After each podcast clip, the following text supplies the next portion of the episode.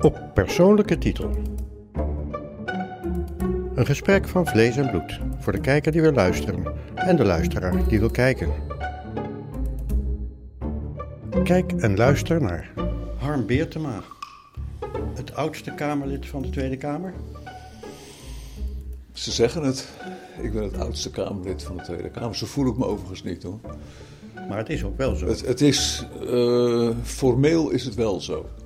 Als ik om me heen kijk, dan zie ik uh, collega's die veel ouder zijn dan ik. Wat wil dat zeggen? Want uh, betekent dat dat je onlangs een huwelijk had met een jongere vrouw? Of omdat het bekend is dat Harm Beertema wel een van de knapste mannen qua uiterlijk hier in de Tweede Kamer is. Kijk, dit programma begint meteen goed. nou ja, dat zijn de dingen die over u gezegd worden. Nou, fijn, dat is fijn om te horen. Dat is fijn om te horen. Nee, maar goed, dat oudste Kamerlid, ja, het is nou eenmaal zo. Dat is, uh, ik vind het op zich wel uh, niet helemaal in de haak hoor. Ik ben 69, ik ben bijna 70. En als je dan al de oudste bent van de 150 dan denk ik van nou, dan is dat, uh, het oudere deel van Nederland eigenlijk maar heel slecht vertegenwoordigd. Er is gelukkig geen maximumleeftijd hè, voor, uh, voor Kamerleden. Er is ook geen minimumleeftijd. En ik vind dat laatste misschien nog wel ernstiger dan het eerste. Ik vind als je 23 bent en je komt op deze ontzettende verantwoordelijke post, waarin je ja, volksvertegenwoordiger bent uh, op het hoogste niveau, dan denk ik, ja, dan zou je eigenlijk wat mij betreft, je kan het natuurlijk nooit formeel doen, maar ik denk dat er wel een moreel uh, idee zou moeten zijn dat je daar toch minstens uh, eh, 40 voor zou moeten zijn. Ga nou eerst eens in, in, in de samenleving eens wat doen, weet je wel, aan werk, aan, aan aan een eigen carrière. Dompel je eens onder in, in, in, in hoe een bedrijf in elkaar steekt. Uh, uh, hoe, weet ik veel, een woningcorporatie in elkaar steekt. Of, of, of een, het particuliere bedrijfsleven. Ga, ga, ga daar eerst eens proeven. Hè, of, of het onderwijs, wat ik gedaan heb. Ga daar nou eerst eens proeven hoe het is om, om uh, daar te werken. En daar van alles mee te maken, daar de verhoudingen te leren kennen, de, de, de, de, de mores, de makkers. En ja, ik denk dat, dat, eh, ik denk dat je gevormd moet zijn, maatschappelijk gevormd moet zijn. Wil je eh, op een verantwoorde manier hier uh, dat Kamerlidmaatschap uh, beoefenen. Ik hoor dus tegelijk een klacht. Ja, dat uh, hoor je goed. maar uh, het voordeel van vlak na de oorlog geboren zijn, ik denk een jaar of vijf na de oorlog. Zeven. Zeven. Uh, is behalve dat er toen veel mooiere dingen waren dan nu, uh, ook dat de opleidingen totaal anders waren. Dat het land moest worden opgebouwd. Zeker. Dat er erg veel armoede was. Ja. Hoe ging dat in die tijd? Nou ja, je zegt, je, je raadt het woord mooi vallen, zo mooi vond ik het niet. het, was, het was een hele andere tijd natuurlijk. En wat ik me als kind daarvan kan herinneren. Ja, je wist niet beter natuurlijk. Maar ja, het was allemaal zo bescheiden en zo basic het leven. En zeker in mijn situatie. Hoe, hoe is dat bescheiden en basic? Uh, dat je in een nou, ja, zinkentuil gewassen wordt. Nou ja, ik kom uit een, uit een onderwijsfamilie. Uh, en mijn vader was uh, leraar, maar die stierf op zijn 42ste, heel onverwachts. En die liet mijn moeder achter met uh, vier kinderen.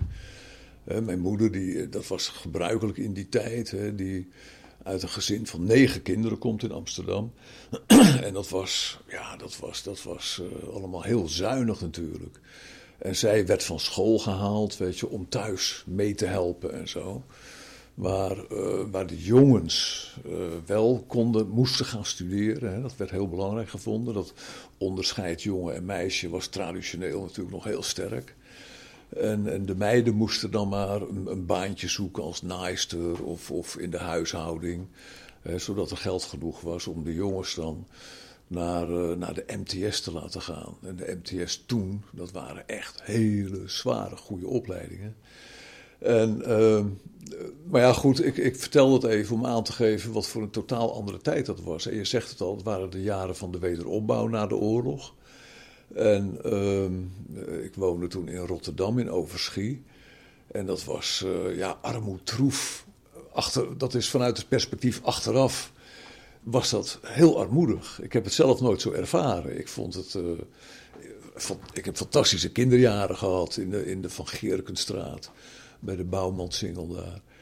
Uh, en dat was dat Rotterdam werd toen ook uit de grond gestampt en zo. En ja, dat, daar heb ik toch wel goede herinneringen aan. Maar vanuit het perspectief van nu, ja, was dat heel armoedig. Nieuwe kleren kopen, dat was er niet bij. Uh, met, zelfs met, met, met eten en zo werd, werd gescharreld om, om het allemaal rond te krijgen.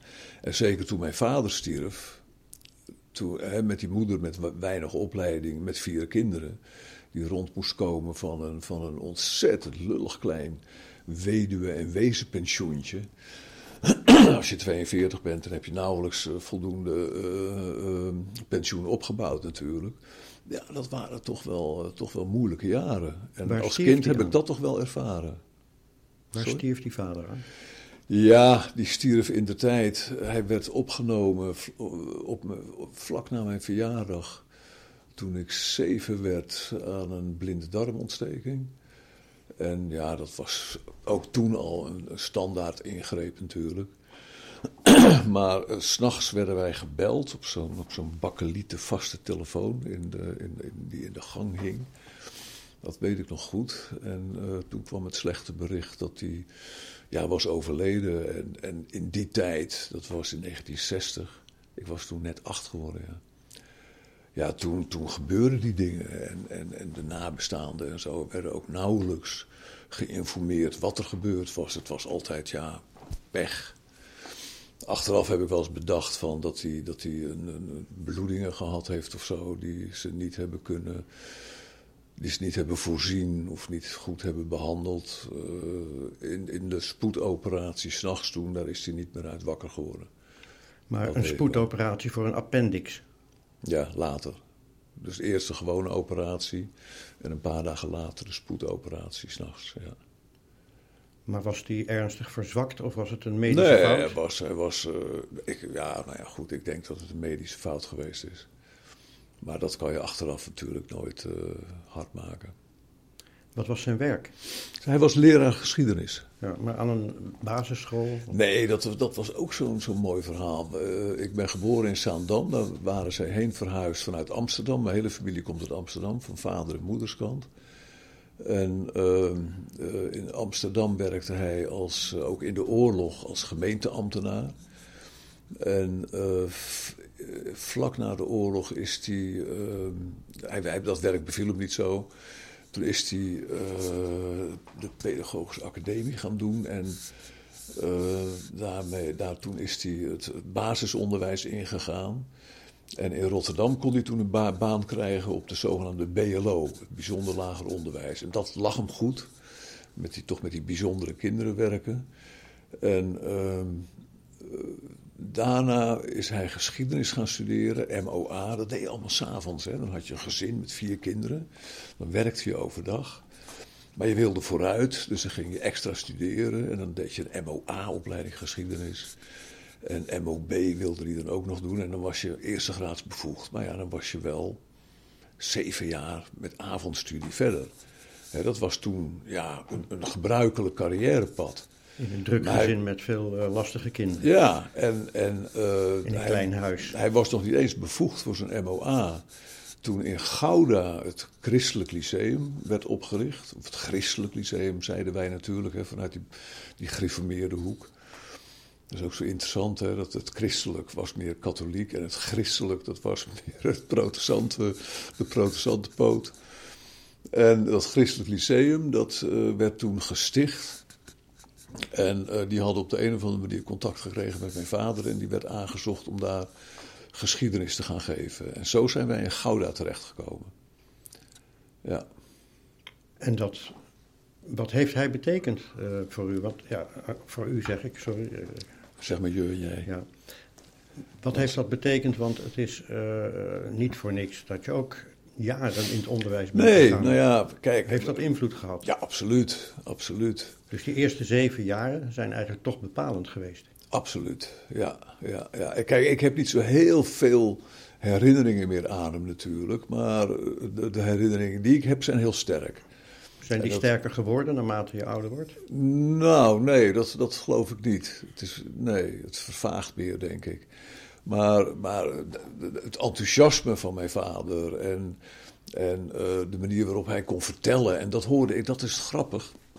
Want later kwam ik nog wel eens, vele jaren later, 10, 15 jaar later, kwam ik nog wel eens mensen tegen in Gouda. Die zeiden, "Ja, Beertma, ik heb les gegeven, les gehad van jouw vader. En daar heb ik zulke goede herinneringen aan.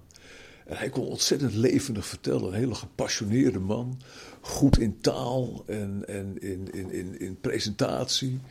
Wat dat betreft lijk ik misschien wel op hem. Althans, dat heb ik altijd gehoord van familieleden. Sommige eh, familieleden die ik jaren niet gezien had. Eh, toen ik weer wat groter was gegroeid en, en ik kwam ze weer tegen, die schrokken echt van dat ik een, eh, echt een totale gelijkenis was met mijn vader. Dus dat was wel grappig. Maar goed, hij was leraar. Maar eh, mijn opa van, van, eh, van zijn kant, van mijn vaders kant, die was ook onderwijzer. En die kwam dan uit Groningen. En eh, die, die heeft nog les gegeven in de tijd van, van, van de grote onderwijshervorming, waarbij het christelijk onderwijs bekostigd ging worden. En dat moest echt afge, afgedwongen worden. En die heeft in de tijd ook nog voor, voor riksdaalder in de week voor de klas gestaan. Ook met een gezin, omdat ze niet bekostigd werden. En dat is allemaal later wel weer goed gekomen. Maar eh, de broers van, één broer van mijn vader was leraar Frans. En een andere broer, Eppo, was eh, ook schoolleraar op een basisschool. Dus ja, het was echt een hele onderwijsfamilie. Dat is er echt met de paplepel ingegoten. En juist ook vanuit die, vanuit die gereformeerde kant werd dat. ehm, ja, dat, eh, dat, dat, dat was toch allemaal AR, hè? ARP, de antirevolutionaire partij. En dat was in die tijd van, van, de, van de emancipatie en de verheffing van de kleine luiden natuurlijk. En eh, dat, dat, dat leefde ook door ons hele leven heen, kan ik me herinneren. En wij hadden ook dat groene busje staan met Abraham Kuyper, eh, dat portret van Abraham Kuyper erop. En er werd ook, werden ook dubbeltjes in gedaan. En daarmee sparen die gereformeerden om hun eigen universiteit te openen. Hè, de Vrije Universiteit. En jongere luisteraars, kijkers, die snappen niets meer van al deze dingen als Nee. Abraham Kuypers of de schoolstrijd eh, aan Nee. het begin van de vorige eeuw. Ja. Eh, en dat is ook een beetje de reden om in de politiek verzeild te raken. Nou, dat is niet direct de reden geweest, maar het is wel zo dat ja, mijn hele kinderjaren en zo, die waren wel doordezend als het ware van, van politiek. Aan tafel werd, werd eh, op, op hun manier over politiek gesproken. Mijn opa van, van moederskant, opa Kleine, die op de Oude Waal woont in Amsterdam, die komt uit een schippersfamilie en zo, maar ja, die, die heeft ook... Eh, die was ook medeoprichter van de Christelijke Schippersvakbond. Hè. Dat was ook een, een ARP-man, een ARP-activist zelfs. Weet je, en, en die verhalen krijg je mee. En, en dat, ja, dat heeft mij toch wel heel erg gevormd. Ook, ook in, het, in, het, in het besef dat onderwijs het, het allerbelangrijkste is in, eh, ja, in het leven van, van iedereen. Hè, elk kind heeft maar eh, van, zijn, van zijn zesde of van zijn. eh, hoe, oud zijn ze als ze naar de basisschool gaan tegenwoordig? Ja, zes, hè, daar gaan we een paar jaar aan vooraf. Maar tussen zijn zesde en zijn, en zijn achttiende moet het gebeuren. Dat is de tijd dat kinderen gevormd moeten worden, onderwezen moeten worden. En dat kan je nooit meer inhalen. Dus, dus elk, elk eh, deel wat eruit ontbreekt, dat is funest. En veel mensen onderkennen dat niet zo heel erg. Maar hoe was dat vroeger? Want ik weet nog eh, van, van de oude lagere school, heette dat toen. Het was stampen. Eh, het was kwart over acht beginnen, vijf uur ging je naar huis. Zaterdagochtend tot twaalf uur had je ook nog les. Ja, heb ik ook nog gehad. En ja. eh, De HBS, ja. dat is verschrikkelijk. ja. En het was didactiek, didactiek, didactiek. Er werd nooit gepraat over politiek. Nou, dat heb ik niet zo ervaren hoor. In, uh, in, ook, ook, op de basisschool, dat was dan ook weer zo'n gereformeerde basisschool, de Johannes Calvijnschool in Gouda.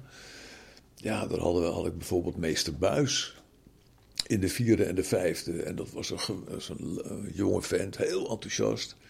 Die deed me een beetje aan mijn vader denken. Die kon ook zo prachtig vertellen over geschiedenis. En, en ja, dat, dat, ja, ik kijk daar met liefde op terug. Heb je dan over vaderlandse geschiedenis? Vaderlandse geschiedenis, zeker. Ja, dat was op de basisschool natuurlijk wel heel belangrijk. Maar ook op de HBS, hè, als je dan wat verder gaat in die geschiedenis en zo. Ja, daar was toch altijd wel ruimte voor, uh, voor, voor het gesprek, zal ik maar zeggen. Ja, ik werd er ook altijd uitgestuurd, omdat ik een links jongetje was geworden. Oh ja? en, en dan hadden we geschiedenis van meneer Van de Boogaard, ik weet het nog goed. En dat, die man die was reservekapitein in het leger. Een, beetje, een beetje militaire uitstraling. En een uh, ontzettende rechtse houtdegen. En ik was toen een jaar of uh, 15 en zo. Dus, dus ik was links. En uh, ja, dan kreeg ik uh, wel discussies met die man in de klas. En dan was hij het er niet mee eens. En dan werden gewoon uitgestuurd. Moest je gaan melden bij de rector. Oh, ja, dat kan ook.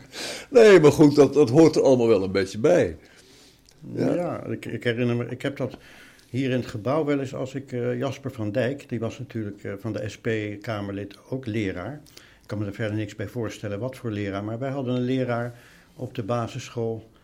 Uh, die zat op, de, op, het, op de desk met een gitaar, uh, We Shall Overcome. En rookte ook sigaretten in de klas. Ja, ja.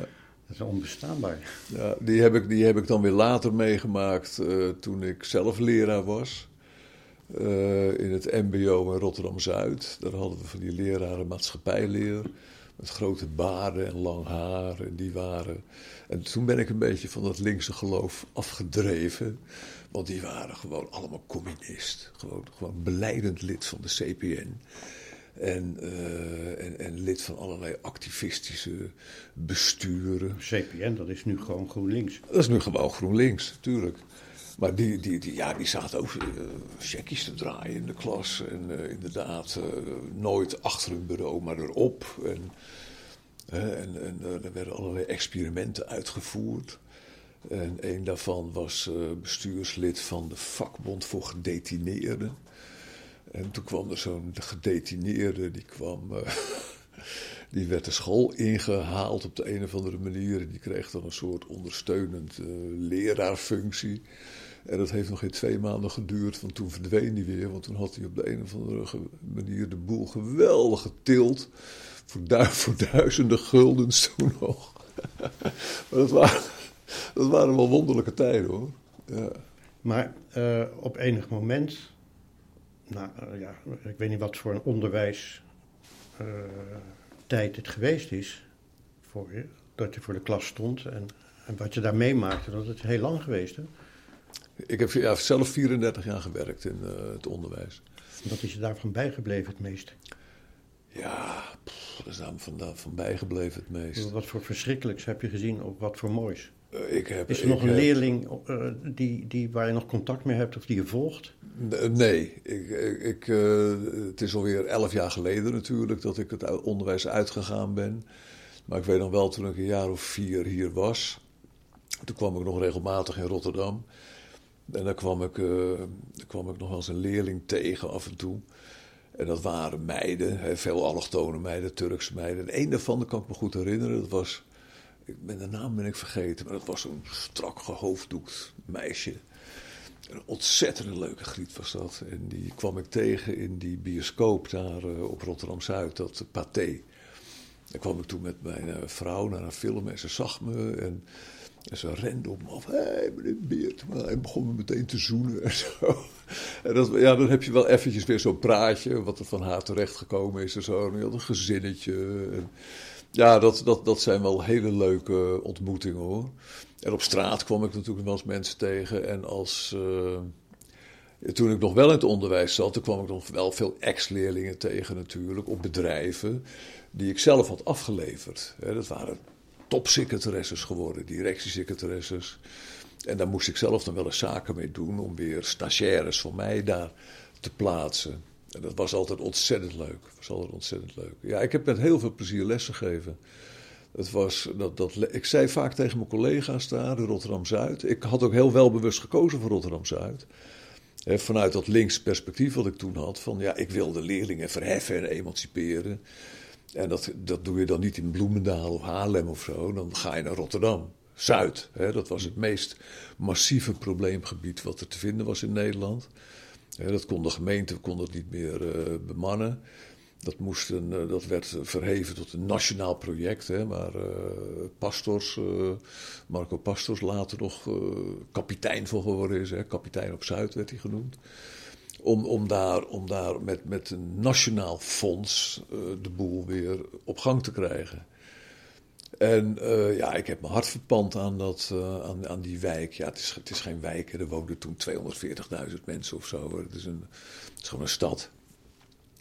Maar met zoveel problemen, maar ook met zoveel ja, uh, mogelijkheden om, om dat onderwijs op de juiste manier in te zetten. En daar heb ik prachtige jaren gehad. Vooral de eerste tien jaar kan ik me herinneren. Ja, dat waren, dat waren vanuit onderwijsstandpunt superjaren. Er viel zoveel te verheffen, er viel zoveel te doen. En ook te experimenteren binnen, binnen de didactiek die, die werkte. Hè, waarin ik ook was gepokt en gemazeld op mijn eigen lerarenopleiding. Op de Vrije Leergang of de Vrije Universiteit. dat was, dat was eh, de enige echte effectieve manier van lesgeven die er is. Hè, die is gebaseerd op die methode van de, van de expliciete directe instructie. Je maakt een schema van een les. Je begint met de beginsie. Nee, er zijn allerlei, allerlei trucjes moet je dan doen. Die gewoon werken. Je moet altijd zorgen dat je een eigen lokaal hebt als leraar. Dat bestaat ook helemaal niet meer. Maar dat is jouw lokaal. Hè? En daar, hang je, daar hang je dan je eigen dingetjes op. Als die leerlingen komen, dan sta jij in de deur. En jij nodigt ze naar binnen. Weet je, dat is al, al zo'n pedagogisch trucje van jullie zijn bij mij op bezoek. Ik bepaal wat er gebeurt. Oké, dan gaan ze zitten, even een praatje pot met iedereen. En dan uh, ga je beginnen en dan grijp je terug op de vorige les. Hè. Wat hebben we toen gedaan? Nou, wat gaan we dan nu doen? En dan ga je dat eventjes expliciteren. En dan geef je een korte uitleg. En, aan de, en daarna met wat controlevragen of iedereen erbij is, geef je de eerste opdracht. En die eerste opdracht die kan individueel zijn of die kan in een groepje zijn. En dan zijn ze daar even mee bezig. En eh, terwijl ze daarmee bezig zijn, ben je bezig in groepjes of individueel hè, om te begeleiden. En als het dan gebeurd is, dan ga je dat klassikaal ga je dat even nabespreken. En dan komen al die leerlingen aan het woord. Nou, dat is die nou ja, als, als, als dat dan gebeurd is, hè, dan geef je wat huiswerk of je, eh, of je, je, je doet nog een toetsje of zo om te kijken of het allemaal is blijven hangen. Een evaluatie en dan is het klaar. Maar je neemt die leerling als het ware aan de hand. En jij bepaalt het traject en uh, de manier waarop het allemaal vormgegeven wordt. Dat is die methode van die directe instructie. Dat is juist voor kinderen uit, die, uit, die, uit het eh, lagere inkomensgebouw, zou ik maar zeggen, de onderklasse, is dat de methode om te werken. Waarom? Die komen niet uit gezinnen met een boekenkast of waar de kranten op tafel liggen en waar gesprekken worden gevoerd uh, met, met maatschappelijke thema's en zo. Dus dat moeten ze op school meekrijgen. En uh, dit is de methode waarop dat het beste werkt. Nou, door al die onderwijshervormingen is, dat, is, dat, is er een frame opgebouwd dat die directe instructie een methode is van oude lullen. Van leraren met een verhaal. Die doen er niet meer toe. Die hebben hun tijd gehad. Het moest allemaal anders. En ze moesten het allemaal zelf doen. En toen kreeg je die methodiek van, van, uh, die gebaseerd is op die eigen leervraag. Die leerlingen hebben geen eigen leervraag. Die, die, als je die achter een computer zet, hè, en daar uh, na, na, een jaar of vijftien bevond ik me in zo'n soort situatie. Eh, op een soort leerplein heet dat nu. En het bestaat nog steeds. Hè? Mm-hmm. Er worden nog steeds scholen gebouwd, MBO's vooral, met leerpleinen. Gigantische ruimtes, waar zomaar 70, 75 leerlingen allemaal door elkaar heen achter hun pc'tje zitten. Die iets moeten doen. Die doen niks. Ja, je legt nu dus eigenlijk uit waarom, hoe het komt dat heel veel mensen, jonge mensen, nu uh, nauwelijks hun taal beheersen, niet meer weten wie de vijftigers waren. Ja. van geschiedenis bijna niks meer snappen, althans mondiaal. Ja. ik, ik, verbaas me daar ook vaak over. Ik krijg nu van mijn kinderen natuurlijk ook lesstof binnen, vaak op papiertjes. Hele vreemde ja, stenseltjes waaruit je de kaart van Frankrijk moet uh, destilleren en de Loire. Dat is dan één lijntje wat iets, iets zwarter moet zijn. Ja. geen bosatlas. Nee. En ja, in 2016, als ik me goed herinner, is er zelfs wat is het, onderwijs 2032 ingegaan. Dat is een plan waarbij het helemaal niet meer nodig is om al dit soort vakken te leren. Waar het gaat om, ja, wat eigenlijk? Uh, dat je achter een computer wat kunt, of programmeren. Ja. Geschiedenis niet meer nodig. Uh, taal, ja, dat passen we aan. Ja, en de leraar, en een grote ergernis van uh, Harm Beertema is dat de leraar s morgens binnenkomt en zegt: Ik voel me vandaag een vrouw. Ja. ja.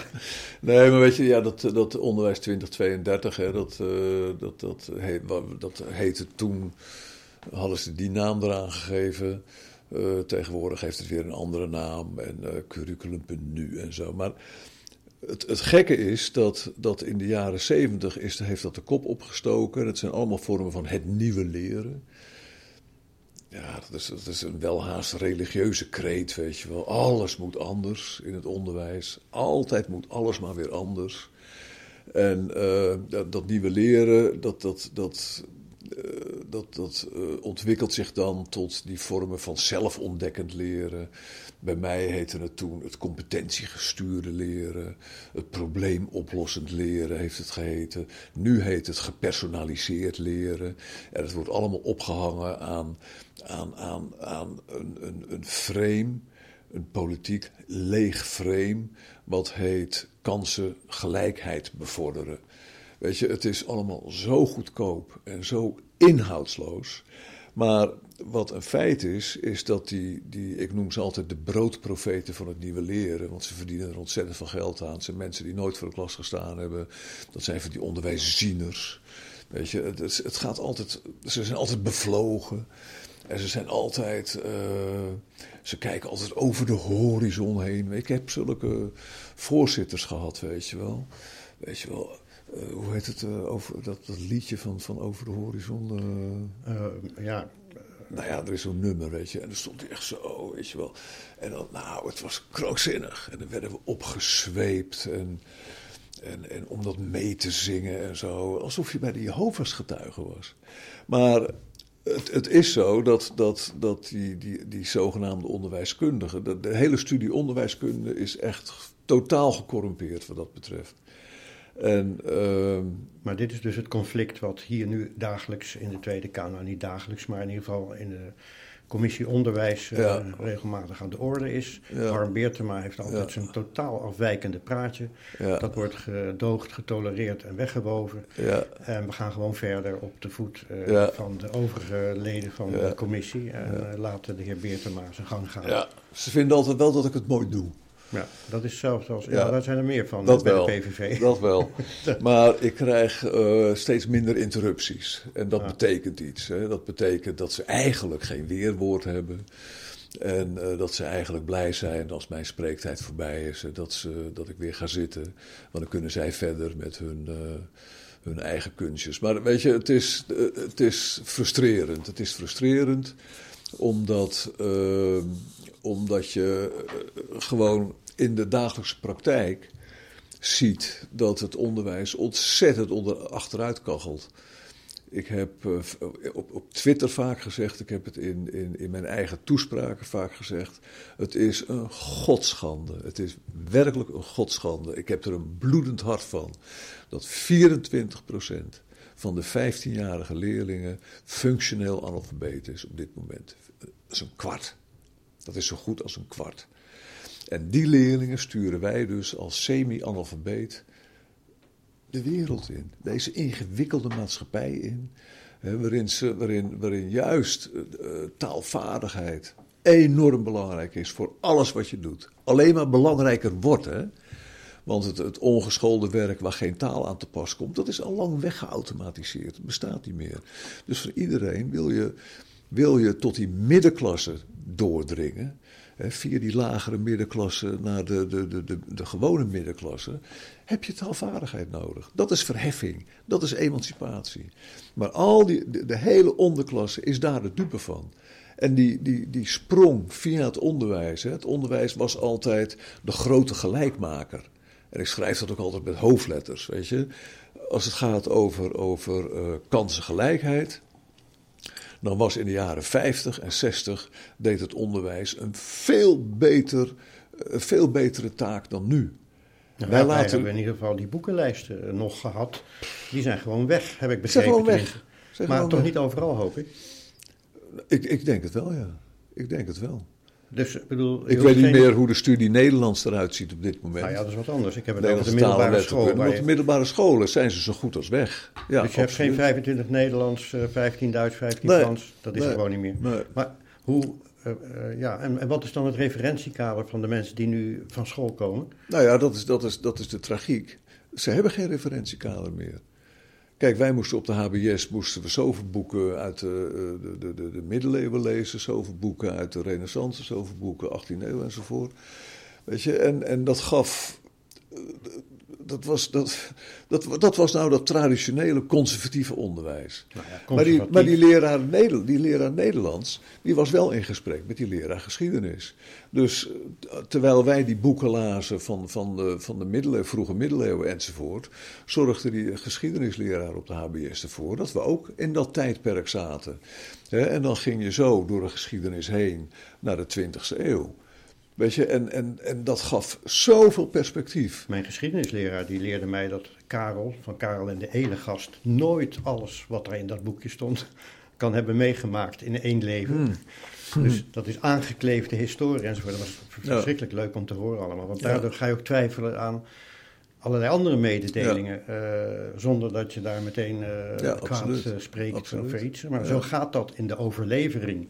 Het, überhaupt het feitelijk overleveren, dat, wat ook gebeurt door schrijvers. althans, als je grote schrijvers hebt, dan overleveren die kennis.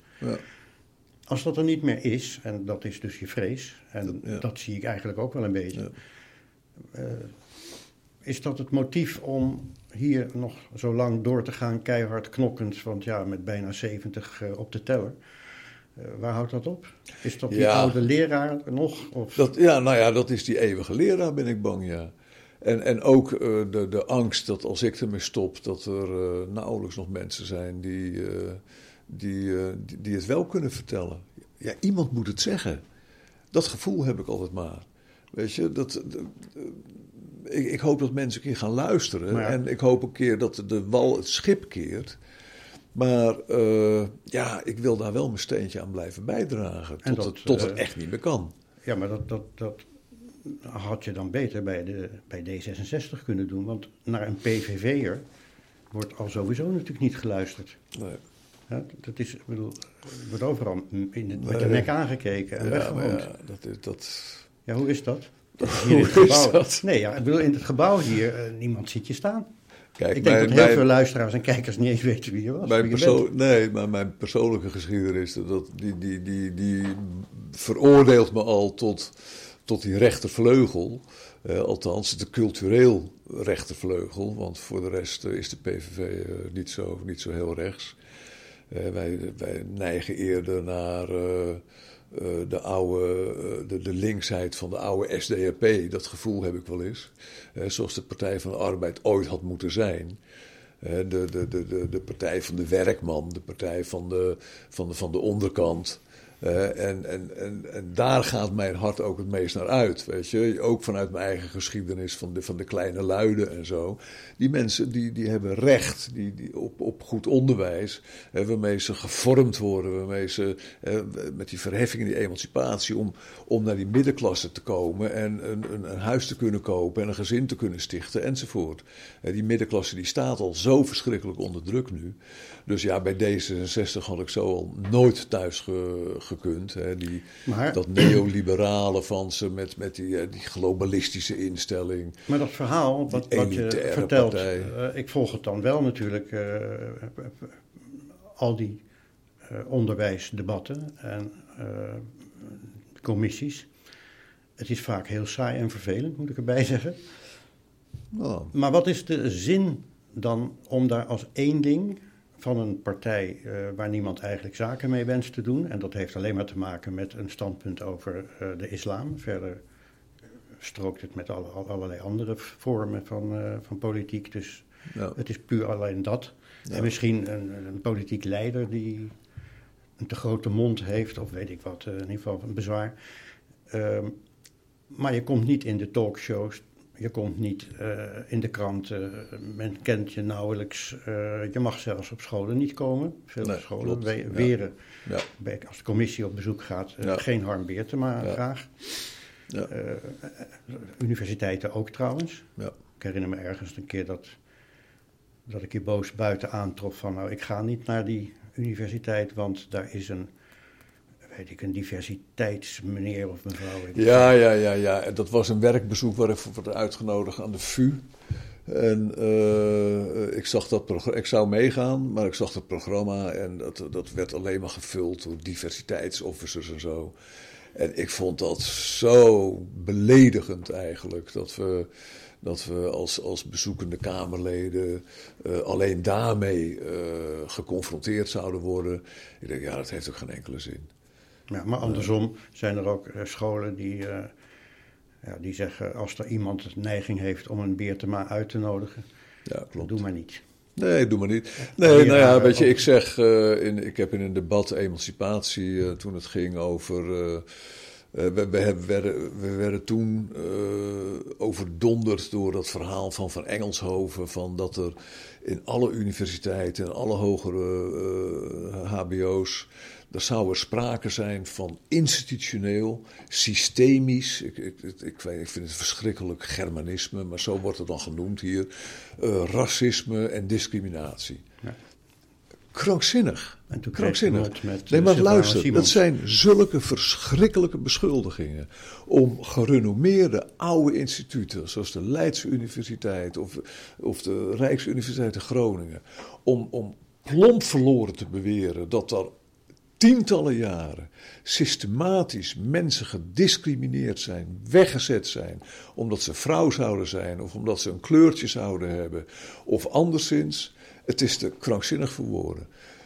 Het is niet zo. Dat is per se niet zo. en als er uh, iets was dat vrouwen moeilijker aan de bak kwamen en zo, dat zal ongetwijfeld geweest zijn, dan kan je daar op een, op een rustige, rationele manier naar kijken en ervoor zorgen dat je daar uh, iets voor verzint. Maar de idiote manier waarop alles geïdeologiseerd wordt, dat is het gevaarlijke van deze tijd. De hysterie, het, het, uh, de, de noem ik het altijd maar, waarin al die hoogleraren en al die medewerkers en zo zich zich blindelings overgeven. Zover dat de universiteit, dat de Technische Universiteit Eindhoven bij elkaar kwam en zeiden, al die mannen, weet je wel, die niet gecanceld wilden worden, zich helemaal inleefden in dat, in, dat, in dat verhaal, in dat narratief van wij gaan de komende jaren helemaal geen witte mannen meer aannemen. Te krankzinnig verwoorden. Het draait zo verschrikkelijk door. Het is zo geradicaliseerd. En het vervelende is dat al die partijen ons radicaal vinden. Wij zijn, wij zijn een, zo langzamerhand een toonbeeld van, van een, een, een, rustige middenpartij geworden. Waar nooit iets gebeurt. Waar mensen gewoon keurig hun werk doen. Weet je, en. en nou ja, een, een, Dion Graus zal het daar niet mee eens zijn, maar. Mm. Dat is dan wel nou, oké, dat, soort, dat soort dingen worden dan enorm uitgetild. Hè? Nou ja, je bent, je bent uh, sowieso uh, van de pers. Je bent de klos, je bent PVV. Ja, je bent vreselijk. En uh, hetzelfde geldt dus in die universitaire wereld, schoolwereld, ja. het onderwijs. Word je niet zo ontzettend moe van dat je zegt: Ik ben nou bijna 70, ik kap ermee? Nee, nee, nee, nee. Nee, nogmaals, ja, iemand moet het blijven zeggen. ik heb wel in een, om even terug te komen op dat discriminatieverhaal. Ik heb toen uh, van Engelshoven voor de voeten geworpen. En op Twitter heb ik dat nog een paar keer herhaald. Er is maar één groep in Nederland die systematisch geïnstitutionaliseerd gediscrimineerd wordt. En dat zijn PVV'ers. Kijk, onze kiezers uh, die hangen niet zo heel makkelijk op hun werk aan de klok dat ze PVV stemmen. Uh, onze kiezers zullen ook niet zo gauw verkiezingsaffiches voor hun uh, raam hangen in verkiezingstijd. Want je ruiten worden ingegooid. Je auto wordt bekrast. Nou, dat zijn al een paar aanwijzingen als het gaat om alleen al het, het kiezen voor de PVV. Op het moment dat mensen eh, op een, op een lijst komen als volksvertegenwoordiger, of het dan gaat voor de gemeenteraad of voor de provincie of de Tweede Kamer, ja, dan gebeuren er nog eens hele andere dingen. Ik heb meegemaakt dat een jonge gast van, van een, een dertiger, een, een ambitieuze jongen die uh, uh, in de provinciale staten wilde, ergens in Nederland, een leraar op een MBO, uh, op de lijst kwam. Diezelfde week werd hij bij zijn voltallige college van bestuur geroepen. Bij zijn hij moest daar verantwoording afleggen. En hij werd voor de keus gesteld: of je gaat van die lijst af, of het is hier einde verhaal. Kies maar. Weet je, en dat zijn de mensen, al die D66'ers in, die, in zo'n college van bestuur. En die GroenLinksers die daar zitten. En een enkele CDA die daar nog zit. Al die mensen die gewoon keihard artikel 1 van de grondwet aan hun laars lappen omdat het een PVV'er is. En s'avonds met een warm gevoel in hun bedje stappen van ik heb weer een verzetstaat gepleegd. Ik vind het te schandalig voor woorden. Kijk, zo'n jongen die wij graag hadden willen hebben, die heeft natuurlijk gezegd van sorry, ik ga voor die lijst af, want ik word zo ernstig bedreigd in mijn, in mijn bestaan. ik heb een gezin, ik heb een paar kinderen, ik heb een hypotheek. Natuurlijk neem ik dat die jongen niet kwalijk. Ik, ik begrijp dat heel goed. Maar dat dit soort dingen gebeuren is te schandalig voor woorden. Natuurlijk gaat hij niet naar, uh, naar de rechter om dat uit te vechten. Want dan heeft hij een de facto beroepsverbod over zich afgeroepen. Dan komt hij nooit meer aan de bak in het onderwijs. Want het is een hele kleffe wereld. Hè. Ze kennen elkaar allemaal. Dat wordt allemaal uh, aan elkaar doorgespeeld en zo. Het is op die manier zijn wij inderdaad de meest gediscrimineerde groep van Nederland. We zijn de tweede partij van het land, heel lang geweest. We zijn nu de derde partij, maar wel de oppositieleider. We hebben nul burgemeesters, nul commissarissen van de koning. Terwijl uh, splinterpartijtjes als de PvdA, die, die, die, die, die grossieren in burgemeestersfuncties en in, in commissarisfuncties die, die baantjesmachine die is helemaal vergeven van de D66'ers, GroenLinks'ers, Partij van de Arbeid. En die houden stelselmatig PVV'ers buiten de deur. Weet je, dus dat dat in een, in een democratisch, zich democratisch noemend land kan, zonder dat al die mensen van D66 die het woord democraten zelfs in hun partijnaam voeren, daar s'nachts wakker van liggen, is mij een volstrekt raadsel is mij echt een raadsel. Dat heb ik even gezegd. En veel meer ook. Dank daarvoor.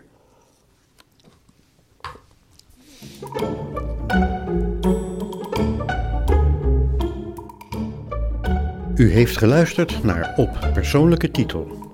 Samenstelling Ernst Lissauer.